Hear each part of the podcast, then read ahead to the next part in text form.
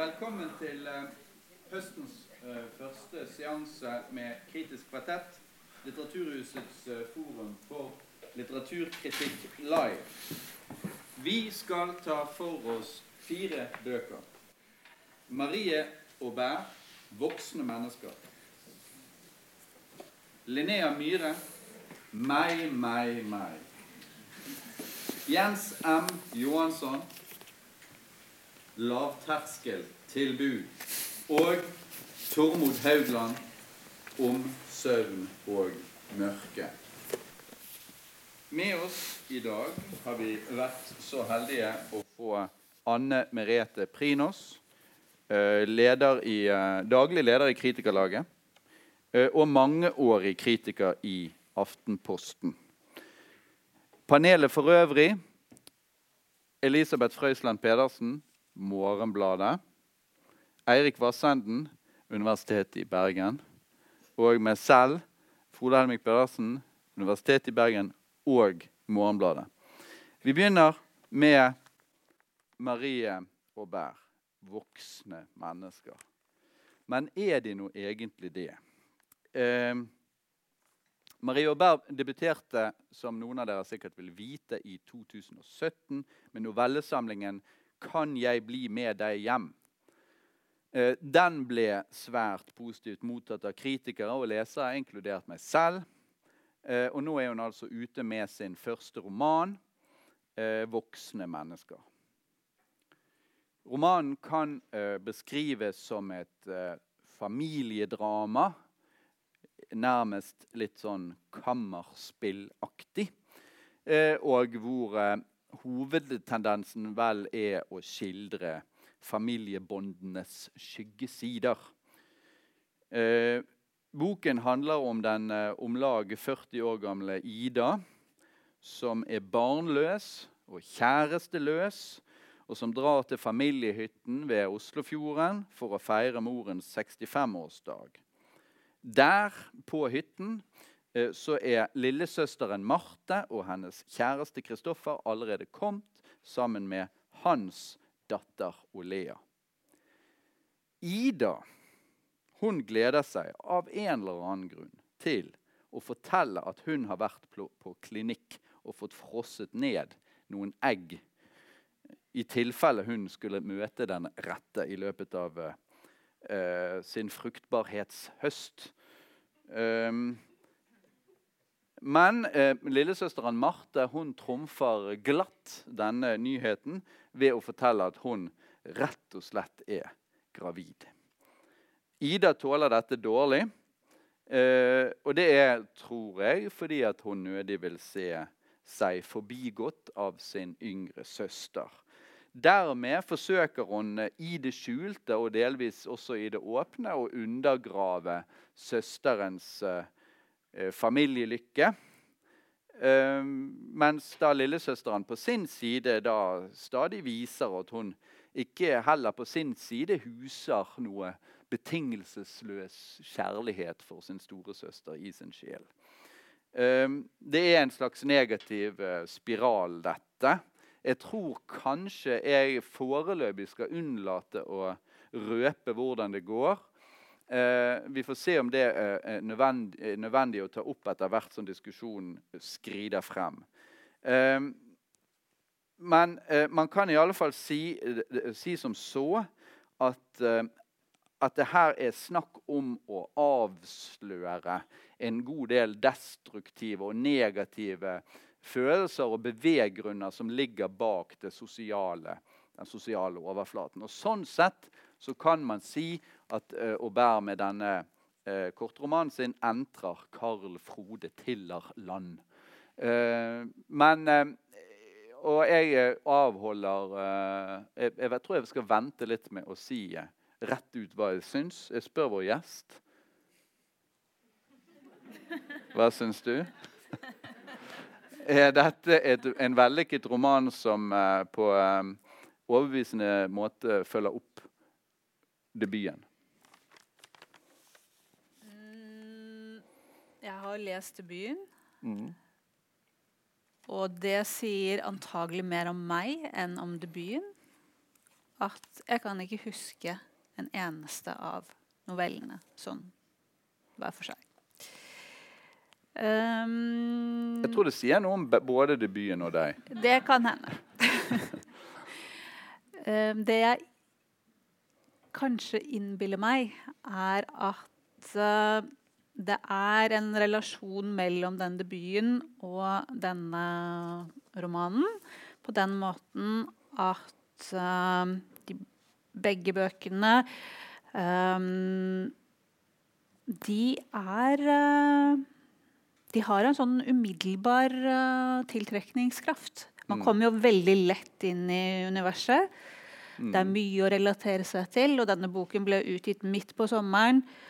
Um, godt, uh, godt timet uh, utgivelse midt i hyttesommeren. Aktuell problematikk med eggnedfrysing. Uh, fikk ble mye, en bok som ble mye omtalt. Mm.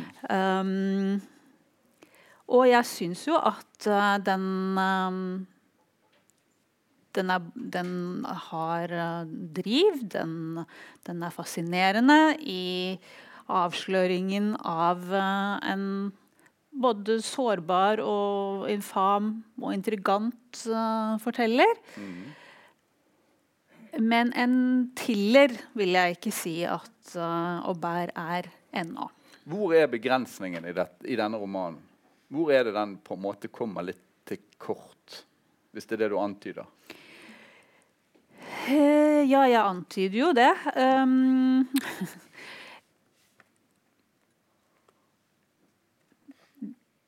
hvis vi nå skal holde oss eh, til, til Tiller, så har han ha, Han legger for dagen et større psykologisk skarpsinn, Ja. syns jeg.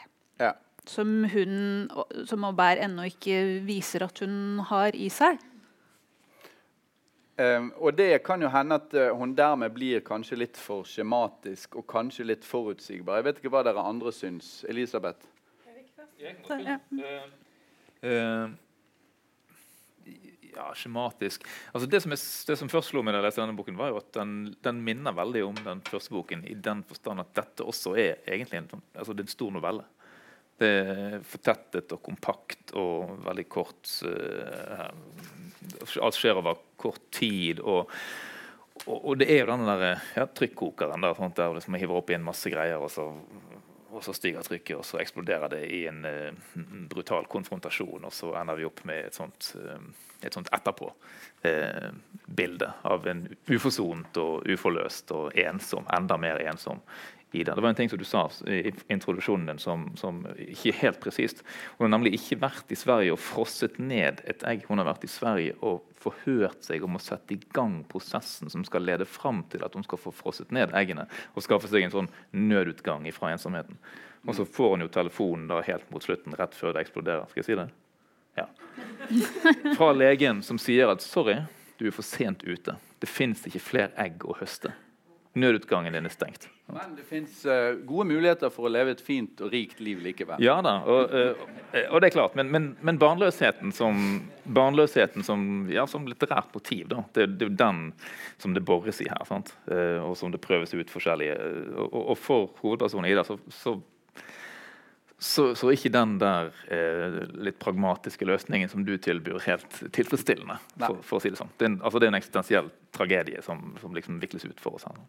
Ja. Jeg, sy- jeg, syns det, det er gjort fint. Kanskje litt skjematisk, og kanskje litt sånn når det gjelder akkurat det med psykologisering. De andre karakterene er jo ikke så dype. sant? Søsteren er teit og dum, og, og kjæresten er litt sånn uklar, og moren er mm, litt utakknemlig og uten innsikt i sine barns eh, indre liv, og kjæresten til moren er enda Irriterende. mer irriterende. Sant? Ja, ja.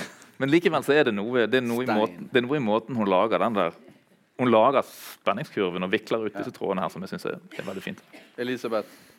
Eh, nei, jeg er vel for en stor del enig i det som er blitt sagt så langt. Eh, at det blir litt, som Eirik sa, litt som å lese en na- lange novelle. Mm. Ja, altså på en hyttetur, nære familierelasjoner føles veldig sånn klassisk norsk novelle av uh, Ja. uh, sånn Ormegård. Uh, men uh, jeg syns for så vidt uh, altså, Den er jo ofte morsom på altså, dialognivå, men at uh, det uh, si, sporet med den infantiliteten, at de blir jo som små barn når de er sammen med den familien, og hvordan de bruker da uh, den dattera, bonusdattera til søstera, og går igjennom ja. henne for å uh, liksom sette hverandre i dårlig lys. da. At det fungerer for så vidt ganske fint, syns jeg. Eh, men jeg syns det blir for mye, at mot slutten at eh, eh, Ja. Ja, det er jo Det at Storesøsteren Ida kan jo undergrave lillesøsterens forhold til denne Olea på en måte som hun ikke kunne gjort hvis det, hvis, hvis det var hennes egen datter. Altså hvis det var Nettopp, Martes ja. egen datter. Sant? Nettopp fordi at det er en, en bonusdatter, som det i dag heter, Ja. så er den der muligheten for å undergrave relasjonen litt større. Nettopp. Ja. Og det syns jeg fungerer, Ja. Faktisk. Men, uh, men jeg har ikke lest, uh, jeg har ikke lest novellesamlingen den første. Nei. det er ikke noe med. Det ser ut som eh, du har lyst til å lese noe her. Eller var det det? Du hadde funnet frem Eh, Det er jo det er et, Du snakket om at ja, alle mulige muligheter til et godt liv uten barn. Ja. Men det er jeg ikke så sikker på, fordi denne Ida har eh, har ingen hun opplever at den aleneheten bare ringende av den aleneheten blir bare større og større rundt henne. Og at den, hun, den søsteren Marte er jo på en måte hennes nødhavn i det at em, Ida oppfatter seg selv som både smartere og penere, og hun må ta vare på Marte, fordi Marte har gjennomgått så mye. Marte har Crohns sykdom, Marte gjennomgår den ene aborten etter den andre. Men så blir jo alt det snudd opp ned på når Marte da er gravid. eh, og til og med 15 uker på vei. Og så Og da klarer jo til og med Ida å si at eh, ja, ja, men det er jo ikke sikkert det går bra for det. Ja. Eh, det er jo en ganske fantastisk ting å si til søsteren sin. ja, ja. Eh, men så var det dette sitatet jeg sitter og ser på. Eh, jeg hadde ikke trodd det, ikke på ordentlig. Venninnene mine har gått forbi meg alle sammen.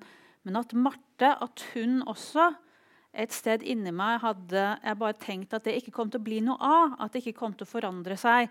Marte kom jeg alltid til å ha der som en jeg måtte trøste. Hun kom ikke til å gå forbi meg. Hun kan ikke gå forbi meg. Og så handler jo mye av eh, romanen sånn som jeg leser den, om at de to søstrene konkurrerer om morens gunst. At det er det som ligger i bunnen for mange av konfliktene.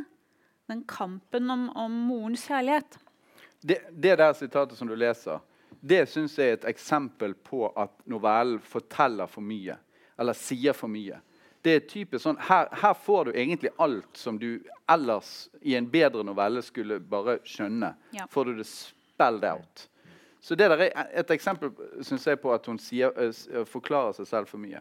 For, når det gjelder selve dette kammerspillet, for min del, så vil jeg si det at det er litt grann forutsigbart. og Det er fordi at det er en ensidig fokus på denne avslørende gesten. med at du skal hele tiden avsløre eh, eh, litt sånn nederdrektige innstillinger hos eh, personene. Egentlig hos alle. Det er dette jeg vil kalle for Ibsen-tradisjonen i norsk litteratur. Og Ibsen-tradisjonen den går ut på og ø, antagelsen om at det verste som med rette kan sies om oss, nødvendigvis også er det sanneste. Eh, eh, og, og, og Alternativet er da Bjørnson, selvfølgelig, eh, som sier at, eh, at eh, etter alle sånne eh, kriser som dette her, så kommer forsoningen. Hvis dette hadde vært i Bjørnson-tradisjonen, så hadde vi fått en, en utladning her i familien, og så hadde vi fått en frokost etterpå, og så hadde man drukket litt grann utover dagen, og så hadde man blitt venner igjen, eller iallfall funnet en måte å leve videre på.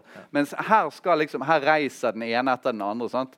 Ut fra, ut fra uh, familiens uh, samling, og så har vi en følelse av at det ingen, etter dette her så er det ingenting som noensinne kommer til å bli ordentlig igjen. Ja, fordi Det har også skjedd ting underveis. her, sant? Søsteren har sagt vi har tenkt å snakke sammen og vi vil gjerne kjøpe deg ut av den hytten som da disse to søstrene eier sammen. Som åpenbart ikke er noen god ordning. da, Og så går hun med på det. sånn at det også er endret. sant? Det er, liksom, det er, er, er ting som da ikke kan, ikke kan gjøres om.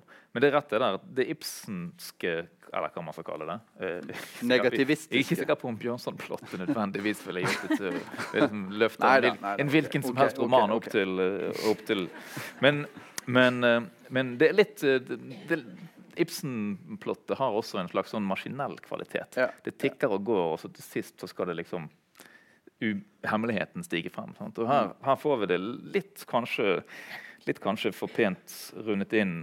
Altså når uh, hun tidlig i romanen snakker med den svenske fertilitetslegen som sier uh, ja, det er jätte, og det skal Ja. gå jätte, jättebra. Og alt sånt For det. Og så kommer han på slutten eh, av romanen og forteller at det dessverre gikk jätte, jättetråkig. Og, og, og det er ikke Ja, det, var den- stor, det var ikke en stor bombe for de av oss som har lest litt Nei norsk litteratur før. Nei, nei. Men, men, men altså, hvis vi skal, hvis vi skal liksom, Det er liksom makro, det makronivået eh, der det kanskje konsentrasjonen er litt synlig. Men, men på mikronivået, altså fortelleren sin egen eller hva skal man kalle det, hovedpersonens vilje til å fremstå slem og utilslørt, eh, hevngjerrig og, og, og, og manipul manipulerende, eh, den syns jeg er ganske fint fremstilt.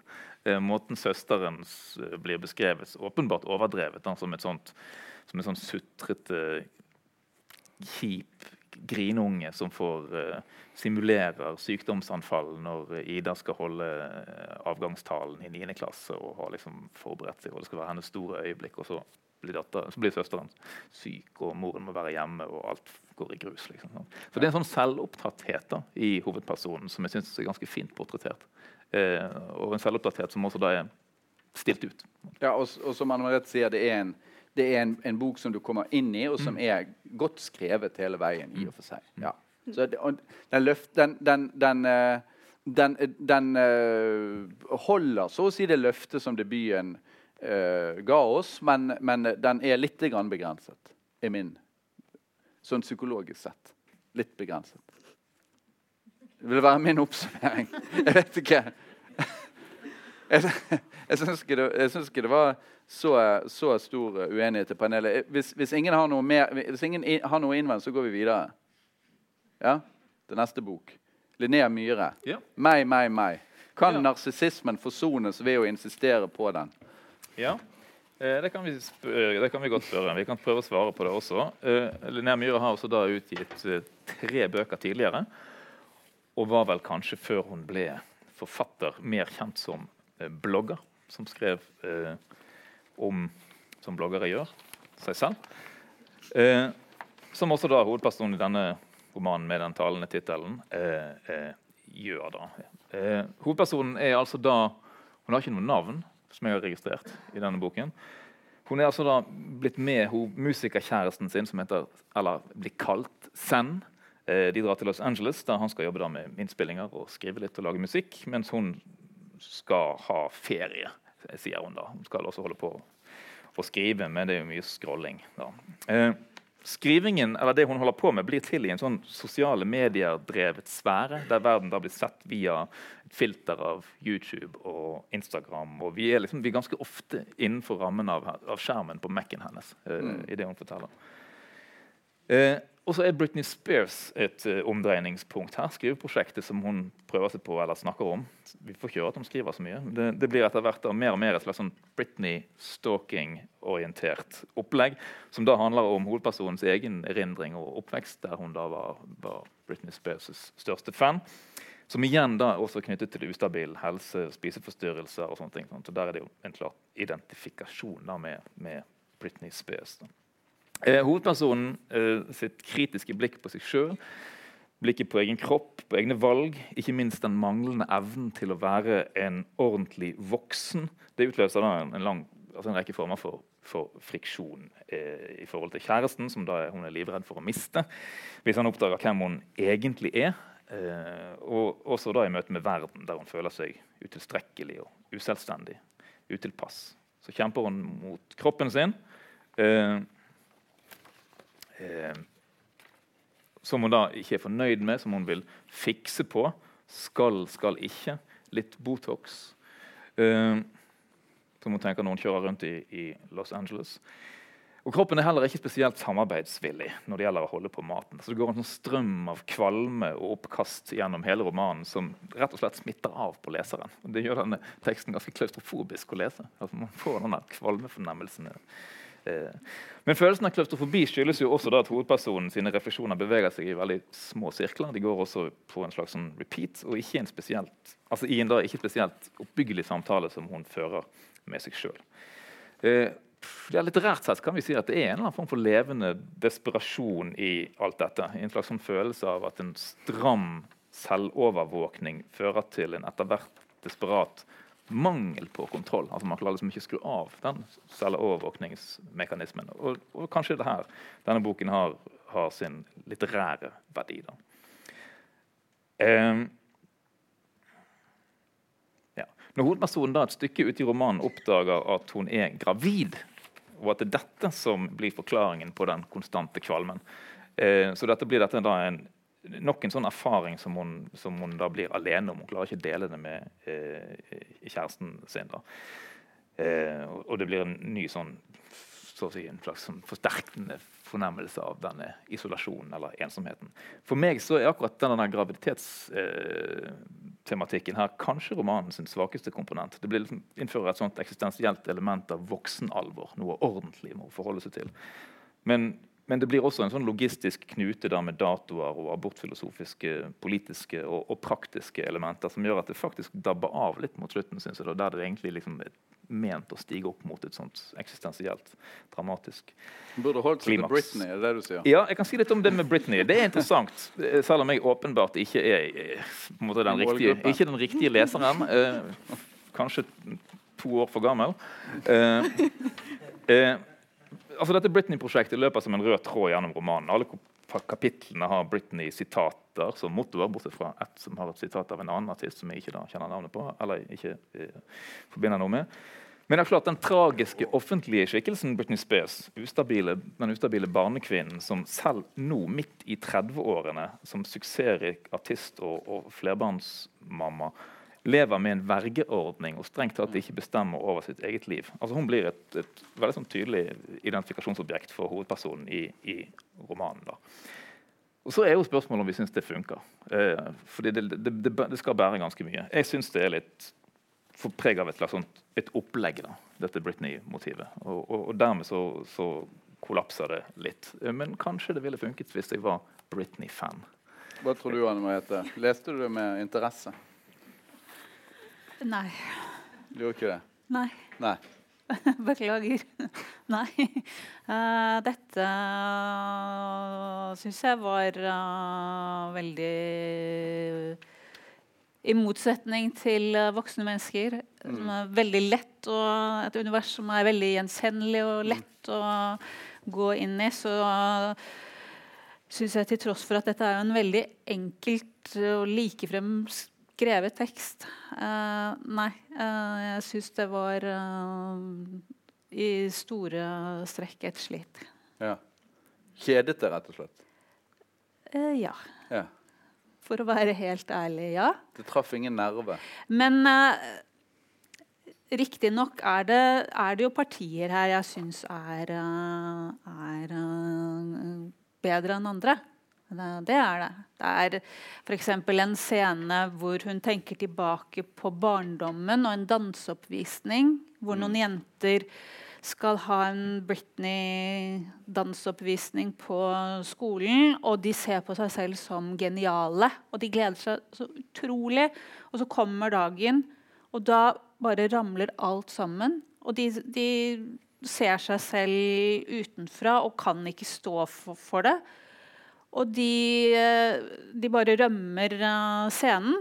Det syns jeg er en, uh, en, en god scene i romanen. Og så syns jeg også det er Det er jo noen vittige partier, f.eks. når hun kjøper Kan det virke som litt ut av det blå graviditet, graviditetstester, og måten hun tar det på, og mm. uh, Der er det Der er det noe.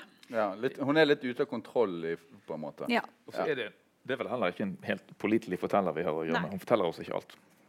Ja, jeg syns hun forteller det meste. Men, men, uh, Elisabeth, hva syns du?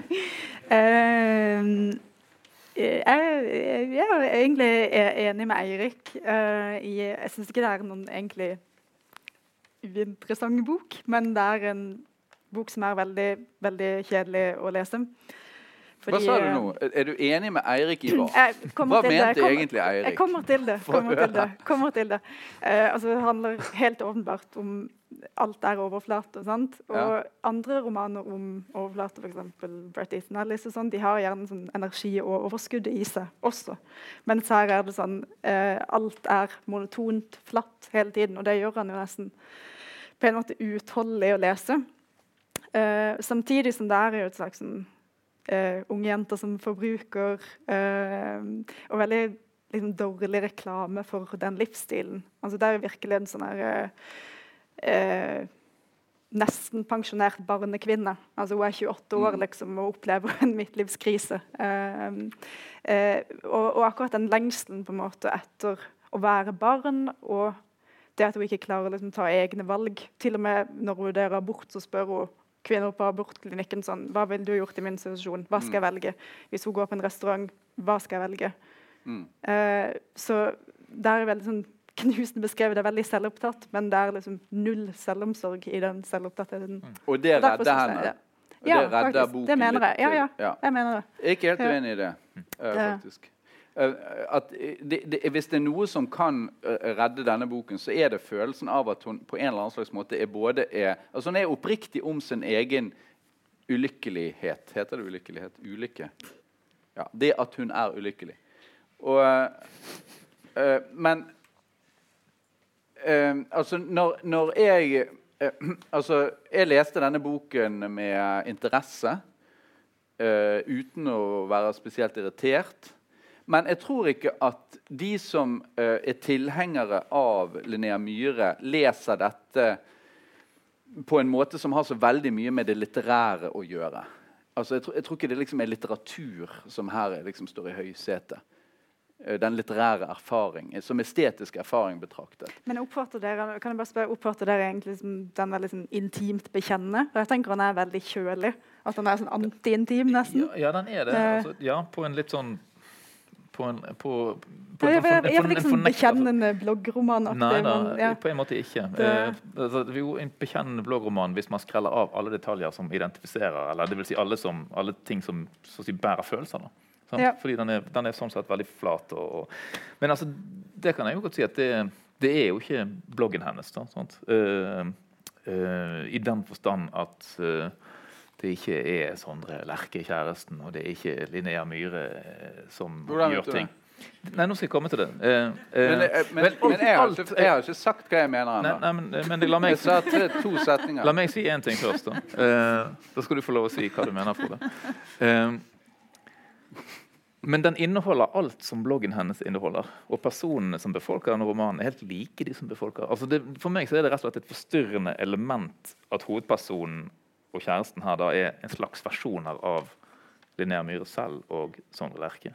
Eh, for de oppfører seg akkurat sånn som de, sånn som de ellers gjør på TV eh, eller i, eh, eller i eh, eller på bloggen. Da. Men, Sånn sett får jeg følelsen av at jeg leser en slags sånn type virkelighetslitteratur der det ikke står så mye på spill. Det betyr ikke så mye hvem de er. Ja. Og det, og det det skaper en slags sånn, litt sånn uavklart situasjon som jeg ikke syns er si, estetisk eller litterært interessant. Eh, Vel, altså jeg er enig, jeg er enig i det at det spiller ikke så stor rolle om Send er Sondre Lerche, bortsett fra for, fra, for Sondre Lerche selv. Fordi, eh, fordi han Send virker jo som et, nek. Eh, sånn at, eh, sånn at Det håper jeg jo ikke at det er. da Men jeg er helt enig i at det spiller ikke så stor rolle om det her er noe som hun har opplevd selv eller ikke. Bortsett fra det der med Britney Spears.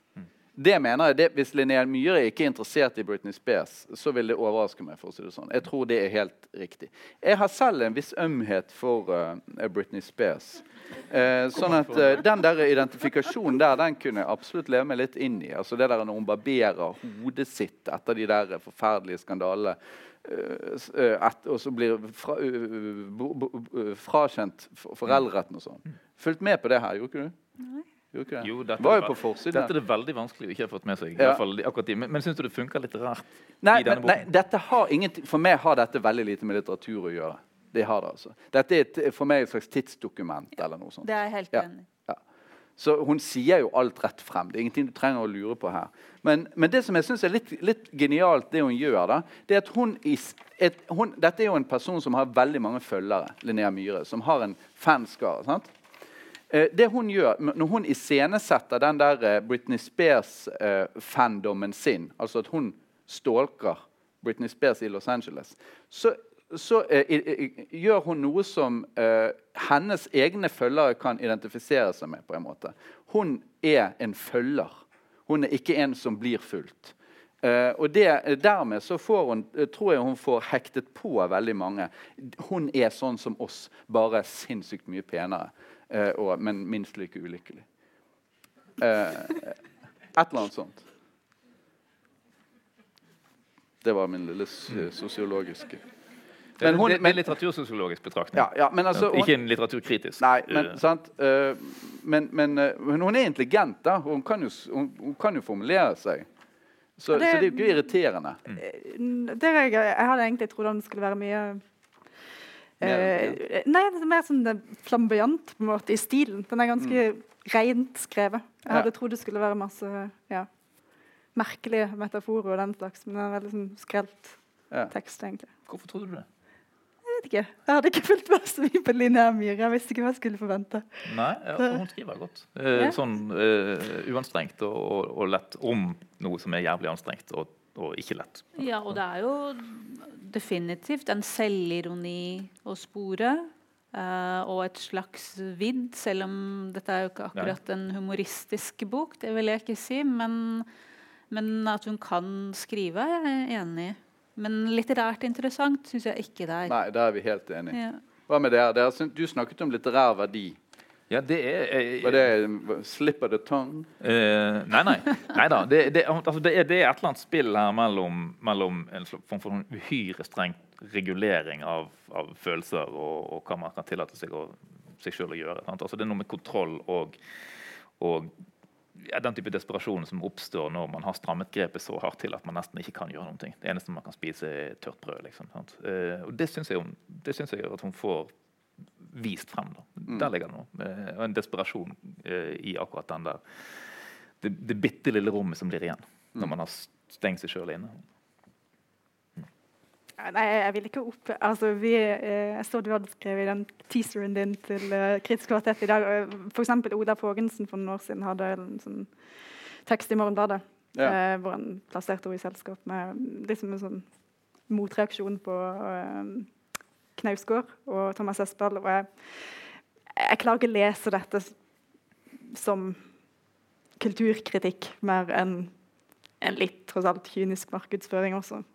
Ja. Eh, altså, se på boka. Det mm. ja, Som bokprodukt det, er den jo uhyre smakfullt utformet og osv. Eh, nei, altså det, det, man kan si, altså Dette er jo en roman som handler om å sitte fast inni sitt eget hode. Sant, på mange måter. Eh, og, og der synes jeg, Når det gjelder akkurat det der, så syns jeg faktisk den er litt for lite intens. Altså Den kunne vært mye mer manisk og mye mm. voldsommere. Sånn neste uke, Om en uke skal vi sitte her tror jeg, og snakke om uh, et par bøker av Jon Fosse som, uh, som, demonstrerer hva det er å være på innsiden av sitte fast på innsiden av sitt eget hode. Uh, kan komme tilbake igjen da hvis dere vil høre hva vi tenker om det. Men, men intensitet savner jeg faktisk.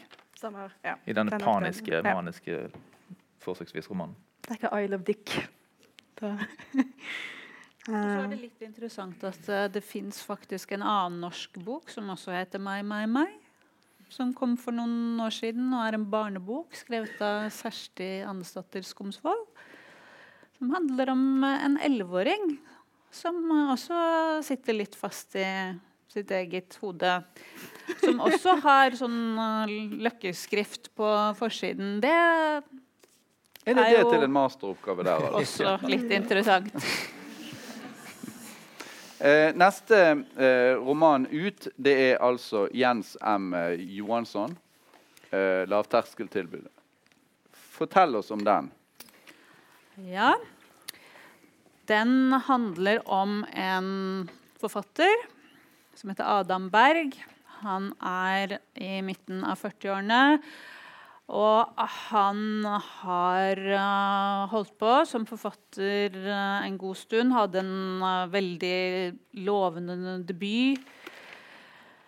Og så gikk tiden, og bøkene ble ikke like godt, godt mottatt. Og, ja. Så nå, når han er 46 år, så er han føler eh, at han er parkert både som eh, forfatter og ektemann. Kone, som han egentlig er veldig forelsket i fremdeles, Iris, hun har hatt en affære, som hun eh, kaller det. Etter hvert så viser det seg hvem hun har hatt en affære med. Det behøver vi ikke snakke om her. I hvert fall, det går ikke Adam Bergs vei. Men så så skyter han eh, en gullfugl som eh, blant 572 søkere, tror jeg, der, så får han eh, et ekstra stipend som Kulturrådet har utlyst. Og det stipendet er på hele 700 000 kroner. Eh, Kulturrådet de har eh, hatt denne ekstrautlysningen for å stimulere til litteratur med utgangspunkt i begrepet 'de andre'.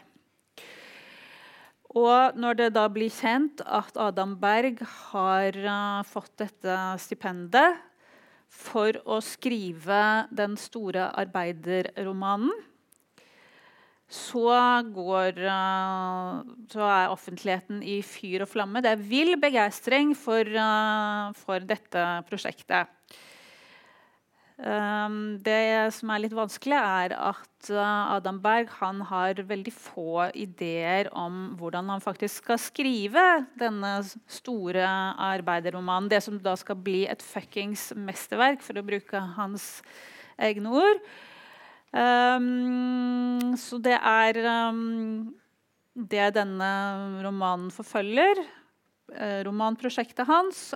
Uh, og noen sidespor om hans uh, både fortid uh, som politisk aktivist, som han forsøker å, å gjenoppvekke, og et far-sønn-forhold som, som er nokså vanskelig. Um, jeg syns at dette er en ganske fornøyelig harselas med, med litteraturmiljøet. Eh, og det med at Kulturrådet og denne utlysningen syns jeg er eh, eh, Det syns jeg er kjempemorsomt. Fordi det eh, er noe Kulturrådet kunne egentlig ha funnet på. Hvis man går inn på Kulturrådets uh, utlysninger nå, så kan man se at de har en utlysning som heter um, 'Utenforskap uh, i amatørteatret'. Da blir man oppfordret til å søke midler til amatørteater for å gi stemme til um, eh, Nei, nå husker jeg ikke De ordrett. som ikke har en stemme. ja, de, nettopp. Noe Ja, sånt. ja. Ja, så, uh, Så det er det samme. ja. Ja. Så det, det er en treffende satire ja, det syns jeg. ja, over middelklassen og Kultur-Norge. Litteratur-Norge. Litteratur-Norge, ja. Ja. ja. Sånne som oss som sitter på scener Ja, og preiker ja. og drikker øl og og ikke har noen kontakt med det virkelige liv. Vår kollektive Ja. lengsel etter autentiske erfaringer Ja, sånn som de andre har. Ja. Ja. Ja. Mm. Ja, hva syns du, Elisabeth? Fornøyelig treffende satire. Følte du truffet? Nei. Det er levd et rikt liv. Nei øh, øh, Faktisk så syns jeg ikke han var så treffende som satire. Jeg syns han var altfor uh, overdrevet til å treffe. Men jeg syns det var morsomt med den utlesningen fra Kulturrådet, for den oppfatter jeg som mer realistisk. Men selve de scenene fra Litteraturhus og den slags oppfatter jeg som veldig skrudd til. Uh, de kunne vært morsommere hvis de hadde ligget tettere på ja, det som eh, foregår her. Det som foregår her, selvfølgelig. Uh, nei, nei, men jeg oppfatter han faktisk ikke som så veldig verken Jeg blir egentlig ikke så veldig underholdt av han, faktisk. Jeg syns ikke han er så morsom fordi jeg ja, som sagt, syns ikke han treffer så godt. Så det, ja. Hva syns du, Eirik? Jeg syns, uh, i, i, likhet med, med, med, det som er sagt her om uh, Kulturrådet, prosjektbeskrivelsestenkningen. Der har jeg eh, en avhandling av, med frustrasjon å dele med dere. Nei, denne, denne, tanken, denne, tanken, om at hvis vi bare koker ihop gode prosjekter, så skjer det fantastiske ting. Eh, den, er den, er den, er jo, strålende. Jeg vil ikke tenke på de der 536 andre potensielle prosjektene som kunne ha blitt realisert. eh, men de fins jo, de også. I eh, søknadsform, ja. Søknad, I søknadsform. Ja.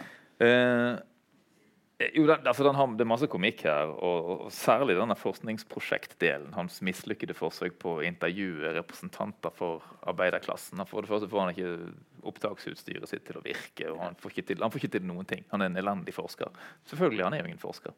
Um, og, og, for det andre så, så sier de jo slettens ikke de tingene han ønsker de skal si, eller håpet de skulle si. De sitter, de sitter og snakker og forteller om, eh, om, workflowen i bedriften sin og identifiserer seg med bedriftslederne sine sentralverdier. Og, og de er liksom mellomledere, alle sammen. Så, så, så, det funker ikke. Og det, det, er ganske morsomt. Uh, det syns jeg er vellykket. Synes jeg det er fint. Uh, det han skriver om faren, altså den der, forholdet til faren, som også er en sånn, sånn aksjonist, politisk aktivist fra 60-70-tallet. da.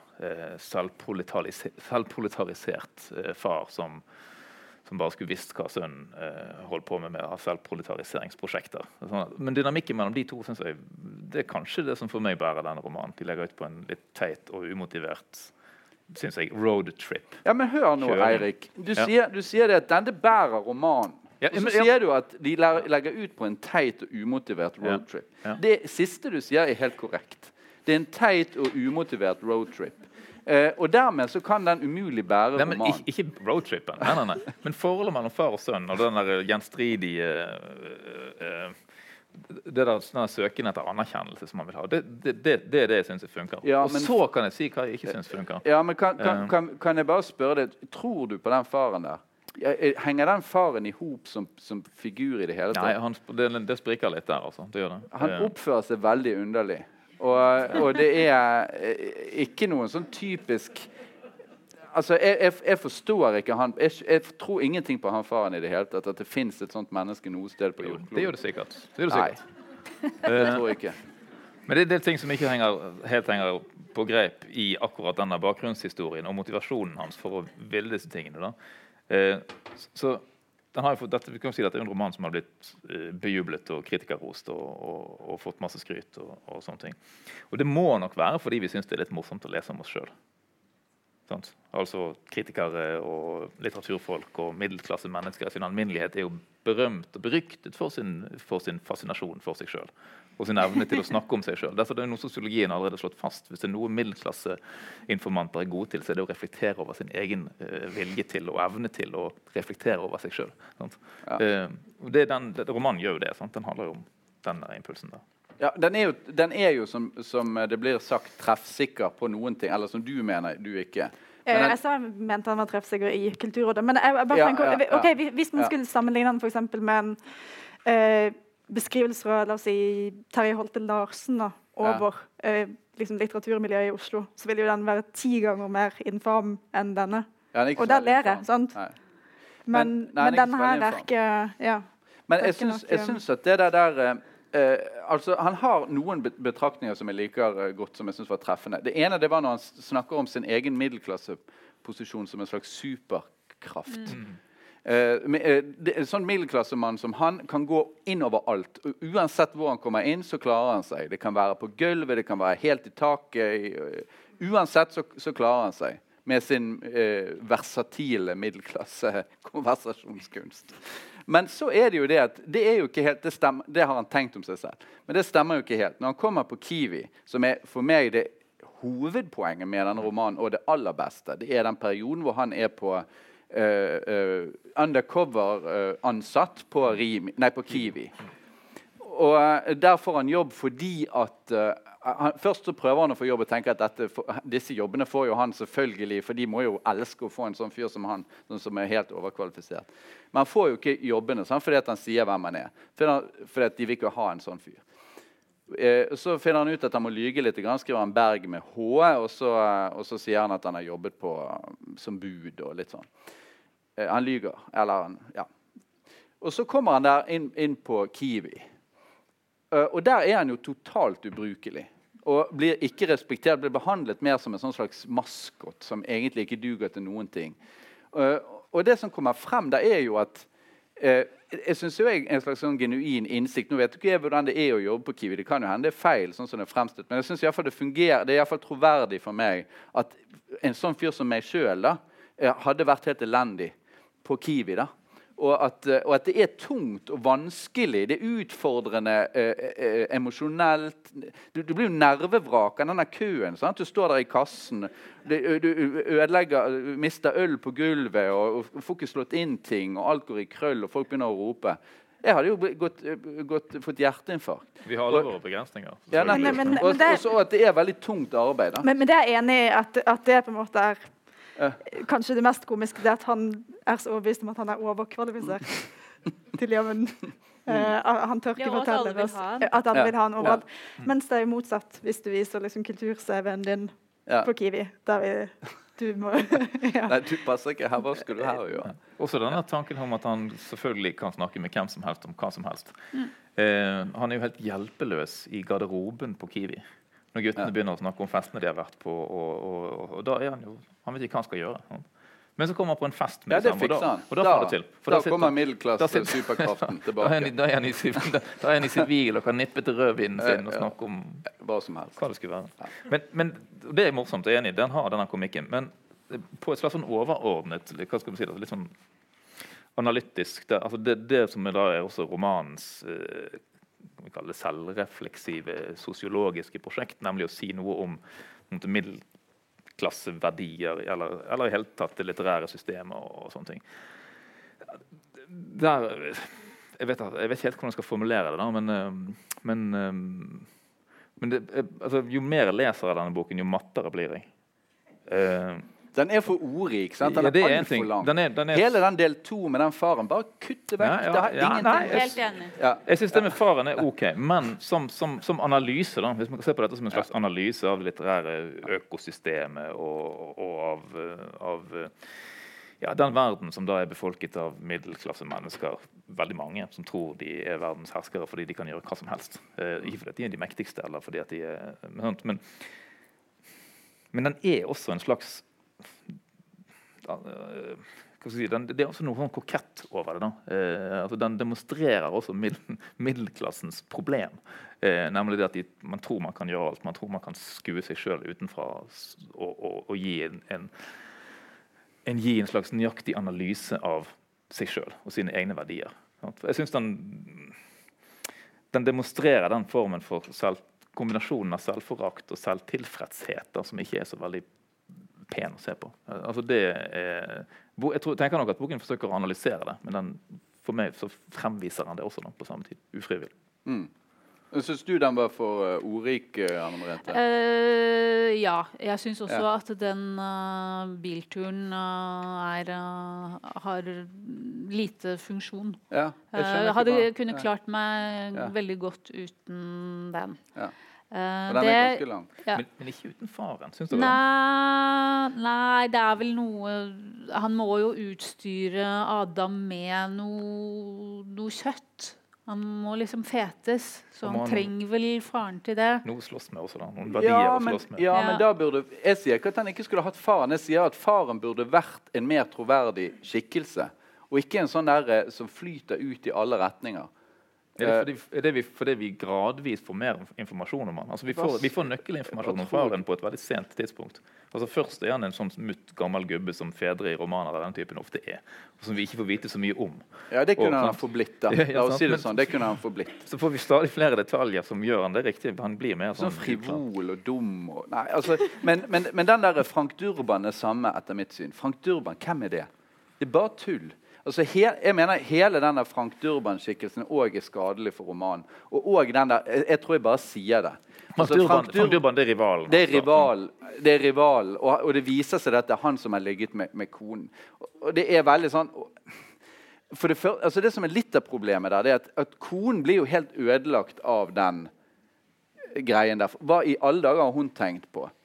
Uh, det, er med, det er et eller annet med det der som jeg synes virker veldig konstruert. kort og. Og det er demonstrert stilistisk på den, den måten at uh, altså det ikke, Hver gang Frank Durbans navn nevnes, så uh, står det et sånt uh, et ord som irriterer meg mer for hver gang jeg leser det. Blir foran navnet står 'Jævla Frank Durban'. Og det står sannsynligvis 120 ganger i løpet av hele romanen. Og det er sånn Hvorfor det?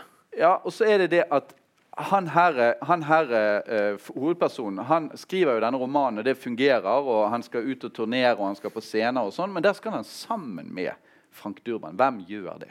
Forlaget.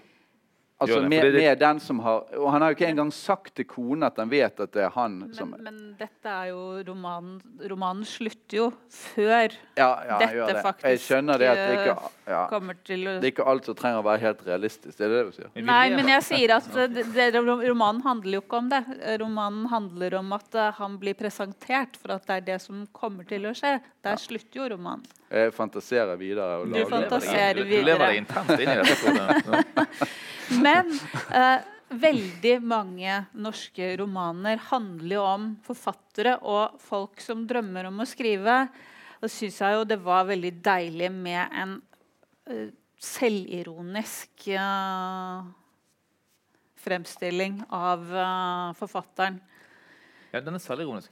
Den er også litt sånn selv... Den er litt, litt masochistisk, den, jeg kjenner.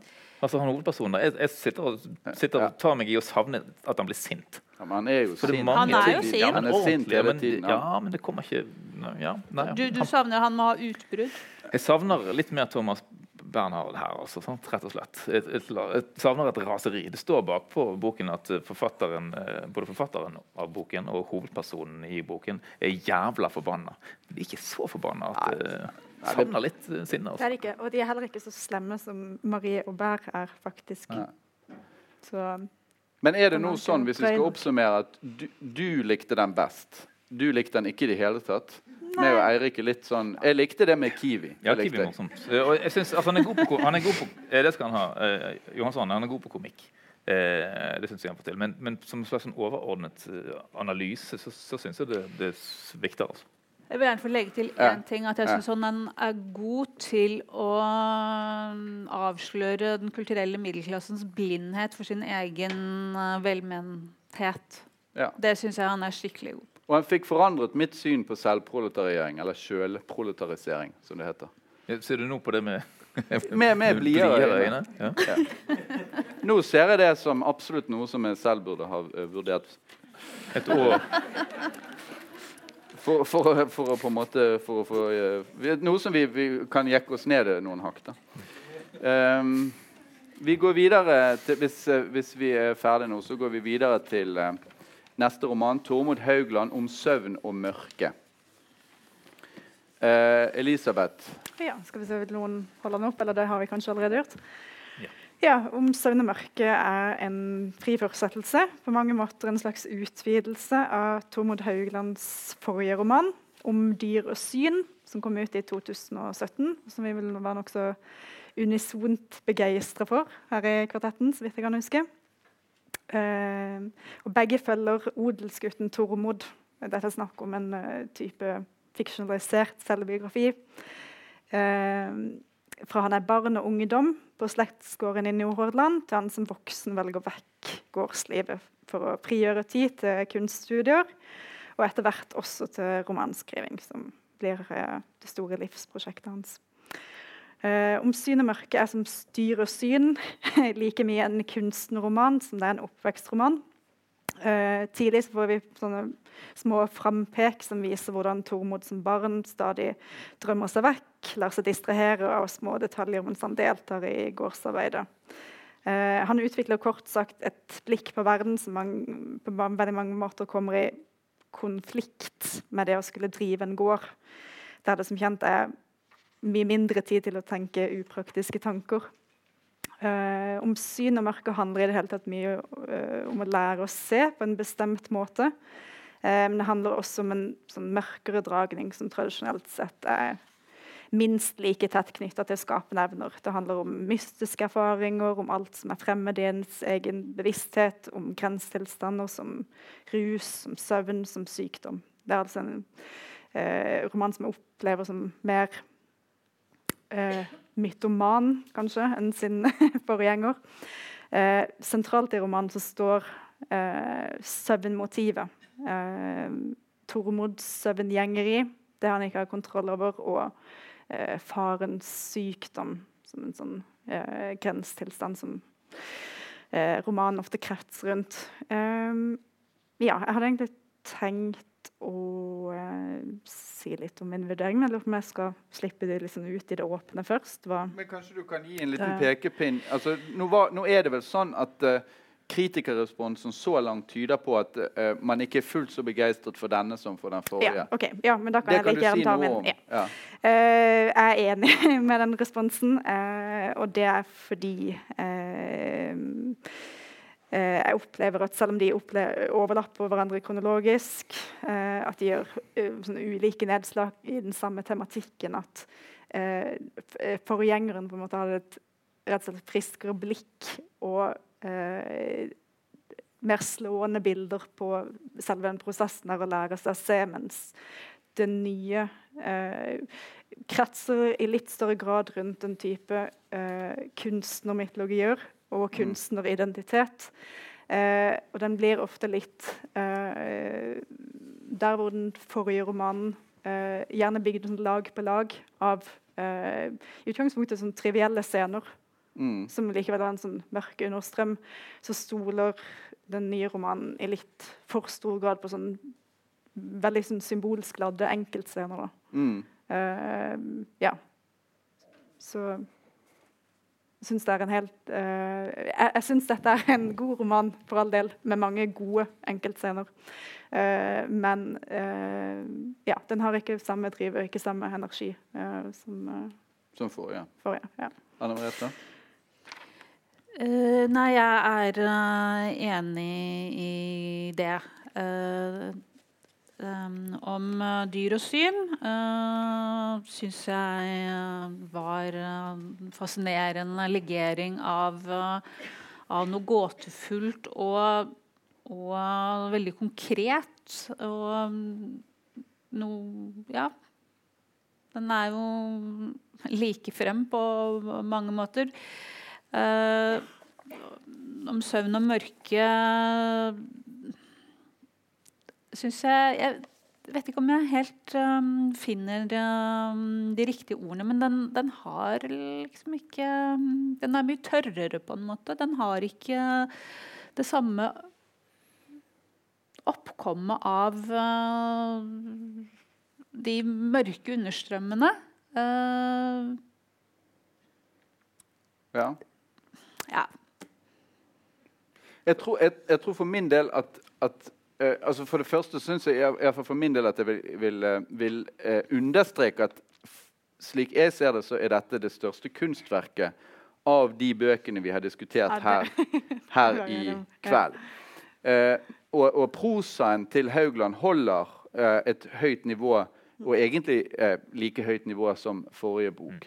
Men det er et eller annet tror jeg, med denne boken som gjør at den fremstår som mer en slags eh, apropos til den forrige. En slags sånn refleksjon i kjølvannet av den forrige. Den får på en måte ikke brettet opp et nytt lerret i forhold til den forrige romanen. Eh, et nytt livskapittel som den kunne på en måte ha, med nye problemstillinger som den kunne ta for seg. Det var jo slik at Den forrige tok for seg barndom og ungdomstid og frem til eh, Haugland kom til Bergen for å begynne på kunstutdanningen eh, sin. Og det er jo en selvbiografisk skildring. sant? Mm, mm. Mens denne her skulle man jo tro og Jeg tror faktisk det hadde vært smartere å begynne der og, og snakket om kunstutdanningen i Bergen og hvordan det var, og hvordan det var å begynne å skrive og sånn. Det han, ikke han interessert i. Han vil heller på en måte fortelle den samme historien på nytt, men med utgangspunkt i to andre stikkord, nemlig mørke og søvn. Og da, men da blir det litt uklart hva, hva som er kjernen i denne romanen i forhold til den første. Det blir på en måte bare litt sånn ettertanker. Eller etter. Jo, Eller, opp, eller opprydning. opprydning. Eh. Denne romanen er også som den forrige, men i kanskje enda større grad fragmentarisk og, og består av biter der den indre sammenhengen ikke er så lett å se alltid. sant? Og I tillegg så satt jeg, satt, jeg, jeg liker den også veldig godt. Eh, Jeg har stor sympati for dette universet, og det er på en måte godt å være inne igjen i det. Eh, men, men jeg sitter også og lurer på en stund lurte på tittelen. Heter den også noe med syn? For at synssansen har en veldig sånn fremtredende plass her også. Her også sant? Eh, samtidig som det er Det er jo sånn som tittelen antyder, og, og som flere av nøkkelscenene her også og, uh, viser også. Altså det, det er de samme erfaringene, men med litt andre sanser. Eller uh, sant? Eh, det er mer smak, og det er mer Kanskje også noe mer taktilitet enn den forrige var veldig opptatt av, av blikket. Men det er også det, er også, eh, det der universet som er søvnen. da, Uten at vi liksom vi blir, ikke, vi, blir, vi blir ikke med inn i søvnen, vi får bare høre om søvnen som en slags sånn fascinerende grensetilstand som man selv ikke er i stand til å kontrollere. Hovedpersonen Tormod Men, som ligner på det å skrive. sant? søvngjengeren sant? Eh, som, eh, som, som vandrer rundt i dette. Eh, men det er klart det, det er noen scener her som, som jeg syns er helt strålende. Eh, og, og, og jeg tror ikke, i hvert fall lenge siden jeg har lest eh, noe om å drikke alkohol som har gjort meg mer interessert i å ikke å drikke, men å lese om det. Altså Beskrivelsen av han guttungen som da tar feil flaske når han går ned, blir bedt om av moren å gå ned i kjelleren for å hente en ny flaske saft. og Så er det litt dårlig lys, og så tar han eh, en flaske med ripsvin istedenfor. Og så drikker han, og så skjønner at det var noe rart med den. Det kan ikke være, jeg kan ikke blande det ut, det må være mer saft og litt mindre vann. Og så blir han full. det er helt sånn, helt sånn, en helt sånn vanlig hva vi skulle si da, Jeg liker den reaksjonen også når hun blir så glad for at noen liker livsvin. Ja, hun, som ikke sint. Hun blir ikke sint, hun blir begeistret for sånn enda, enda, har funnet noen som liker vin. Men så er det også en annen type, en annen sånn type et annet nøkkelord da, som, som kommer frem gjennom akkurat her. For han forstår at han kan gjenkjenne vinen ved å holde den opp i lyset. Da ser han at vinen har en type skinn som saften ikke har. Og dette med skinnet, skinet, det, altså det er også en sånn annen nøkkelstørrelse som, som, som også for han blir helt avgjørende i, i, i arbeidet med å lage kunst og litteratur. Det kunne hett om og, mørke og skin. Ja. Boken. Eh, kan jeg si noe som Ja. egentlig syns fungerer veldig godt, som, som, som er en sånn parallell uh, linje egentlig til Det er at han også uh, har et sånn uh, lengre spenn i denne, hvor han går tilbake en sånn slektslinje. Mm. Og når han skriver om sånn slektsmytologier, Mm. om disse havstrilene, Ja. så syns jeg det er e- en av de beste scenene i, i, i romanen. Jeg tror du skulle si når du snakker om skinn, er jo disse udygelige uh, fulle mennene som de ikke kan bruke til noe på, uh, på gården. Som sitter og, og holder vakt og når svillestimen kommer inn. Og så har man Mm. sånn, uh, sånn eh, glinsende stillestim som speiler seg sånn de fulle skinnene i blikkene sine. Som er jo en kjempeflott scene. Ja. Som viser jo at mm, ja, det kan være en sånn kjempekraftig mytologi, og det bare virker litt forslitt. Altså, de Ja, den unge Tormod må opp og passe på disse Ja, mennene som ligger og speider etter sild fordi at de vet at de drikker. Ja, men Så man skal bare opp og sjekke at de eh, ser ut mot havet og ikke bare sitter og preiker. Så- Eller sover. Ja. Det viser jo også, altså det viser jo også Ja. den der altså Dette er jo også Hva skal man kalle det? da? Det er et sånn grenseområde som det er litt vanskelig for oss å avgjøre hva egentlig er. Akkurat sånn som denne grenseområdet mellom søvn og våkentilstand i romanen ellers representerer.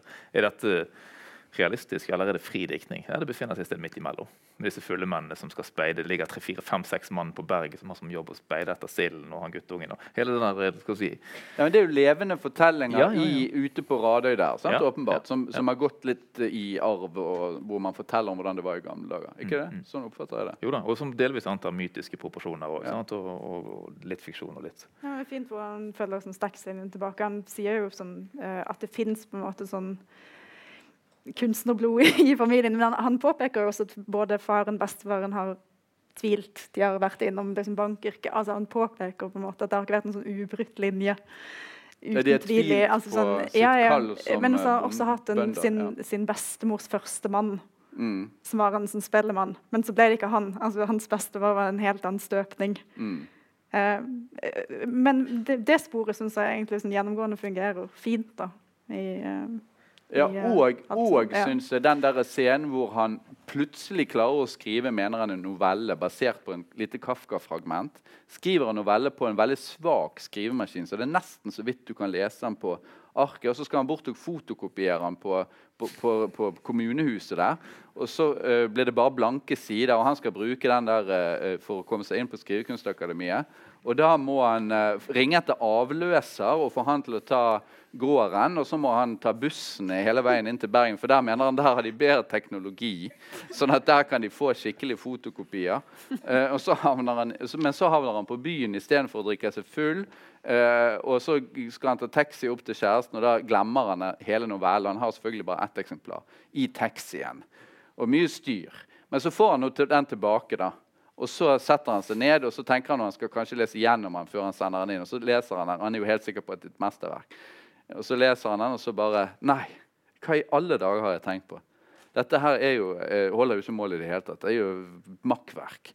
Og det, den, Hele den der sekvensen syns jeg er kjempegod. Det er, men spørsmålet er kan det bære en hel roman. da? Det kan man lure på. Men det er iallfall en veldig god eh, scene. Og Ja, og den eh, fungerer også allegorisk for hele romanen som så. Eller, Ja. For den, den handler, det, det som foregår der ute i det usynlige skrift ute på Radøy på, på faren sin gamle skrivemaskin, eh, som er, som er trollmann, litterær trollmannskunst, opplever han selv. Ja. Og så får han ikke fremkalt det på kommunehuset. Og når han så får komme til byen, så er det blitt til dritt, Ja, men jeg lurer, på, jeg, jeg lurer på om det er mange forfattere som har det sånn. At de bare skriver ut, og så tenker de når de har satt siste, skrevet siste ord, så tenker de at dette var fantastisk. Og så leser de ikke gjennom det. De bare sender det inn. Altså For meg er det helt uforståelig. Men det, det, det er jo mange ting som kan tyde på at noen har tenkt sånn. da. Eh, men, men i alle fall så Det som jeg vil si at det ikke, ikke fungerer, da, som er et, eh, dessverre et, eh, et sånt feilskjær her, det er, syns jeg, det derre Han har jo et kollektiv. Og nå er det jo etter hvert vant til sånne kollektiver i litteraturen, ikke minst fra Knausgård. Det Til, til, til faktisk også på Møhlenpris. Uh, men hvor, hvor det, hele den fortellingen som handler om at han har gått i søvne overfor en ny eh, beboer i kollektivet, en kvinnelig beboer, eh, som, hvor første natten hun sover der, så kommer eh, eh, Haugland naken inn og eh, går i søvne. da. Og så er det en litt, litt sånn vond sekvens hvor, hvordan han skammer seg for det, og hun egentlig aldri tar imot hans utstrakte hånd for liksom å glatte over denne episoden. Og hun bare flytter ut, og han møter henne på byen og prøver å komme i snakk. Men det fisler ut i ingenting. Hele den der sekvensen lurer jeg på hvorfor. Altså, for Han får jo ikke her sagt egentlig så veldig mye om det søvngjengeriet sitt. Han får sagt noe om en litt sånn kjip situasjon i kollektivet som Og, og som, som ikke, men det, det skal han jo ha. Han, han, eh, han lager ikke billig komikk av det. Eh, Det kunne han, det kunne han fort ha gjort. Eh, Ja. Altså det, det er jo setupet til en vits ja. som ikke blir morsom i det hele tatt. På noen måte Heller ikke når han forsøker å unnskylde seg senere. sant? Det, det blir bare Det fisler ut. La oss si det sånn at Hvis han hadde skrevet 700 sider om kollektivtilværelsen, kunne dette vært med. Men i og med at han skriver nesten ingenting, så syns jeg det blir Jeg lurer litt på hvorfor han har lagt så stor vekt på akkurat den. Men det er jo ja. noe med A, da. Han har en kjæreste som heter A. Ja. Uh, og hun er jo den som står som en slags fortolker av det møtet.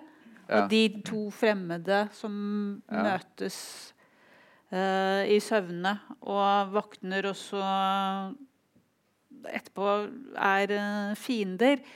Hun står jo som en uh, A er den som ser den situasjonen mye Ja. klarere enn det han selv gjør. Mm. Eh, og når han skjønner det, så innser han at uh, livet hans er ikke på vei noe bra sted. Fordi han går i søvne? Eller fordi Eh, For, uh, antagelig er det mer uh, drikkingen det Ja. handler om. Men, Ja. men de tingene henger jo sammen, da. Ja, men, men det er også det er et viktig poeng. Det er fint du sier det, fordi at uh, det er jo noe med at denne Tormod-skikkelsen også trenger eh, og Som har valset rundt ute i skogen der og vært alene og lagt så stor vekt på nettopp det å være alene og være annerledes og ikke være ikke være det som de andre er. Sant? Også i den første forrige boken. At han her trenger noen som ser ham. Jo, ikke noen som ser han naken eh, midt på natten eh, innenfor rommet sitt, men noen som ser beveggrunnene hans og kan forstå. Så det, for det der, at hun da blir en slags fortolker eller et vitne, eller noe sånt, det, det tror jeg ikke altså, Det er hennes plass. da. Greit. OK. Elisabeth? Eh, nei, nei, jeg er enig med det du sier. Jeg tror det er noe med at eh, han insisterer på, veldig på at det skal være noe mørkt og litt farlig. Som Mm. blir veldig insisterende i noen sånn. Men hva syns dere om den eh, åpningsscenen, maurscenen? Ganske den- ve Vesaas-påvirka. Jeg syns den er veldig fin. Jeg syns det er en kjempefin rytme. Sånn Mm. Hele Ja. Det, det er kanskje det jeg tenker på når jeg, når jeg- får en sånn fornemmelse av at eh, mens den forrige skal handle om det visuelle, eller det å bli visuell kunstner, så er dette taktilitet. Han står, og graver Ja. ned og skal finne ut hvordan maurene egentlig har det. Graver og graver og graver. Og til slutt så er han helt innhyllet av pissemaur som, eh, som stikker han eller biter han, eller hva det nå er de gjør. Sant? Som han ikke klarer å Som ikke merker der og da, rett og slett fordi han er så opptatt av å finne ut hvor, hvor er dette Hvor er eggene til maurene? Hvor er bunnen i dette systemet? Sant? Ja da. Eh, det er fint. Det er fint for det er en Og sånn, det, er- det er liksom the portrait of the artist as a young boy ja, her. Ja. Eh, det er alltid slash farmer, da, sant? Ja. fordi han er jo hele tiden også det. Ehm, jeg tror vi må avslutte uh, dagens seanse. Eh, oppsummering av siste er vel at alle er enige om at Tormod Haugland sin bok er bedre enn de andre. Er det riktig? ja. Ja. Men at den ikke er fullt så god som den forrige. Men er det bare fordi den ikke føles så ny og overraskende som den forrige? Det kan du tenke Ja, mer på det. i løpet av kvelden. Eh, vi avslutter herfra. Eh, og tusen takk for oppmøtet. Og eh, velkommen igjen neste uke allerede til Jon Fosse spesial. På onsdag. Onsdag. ja.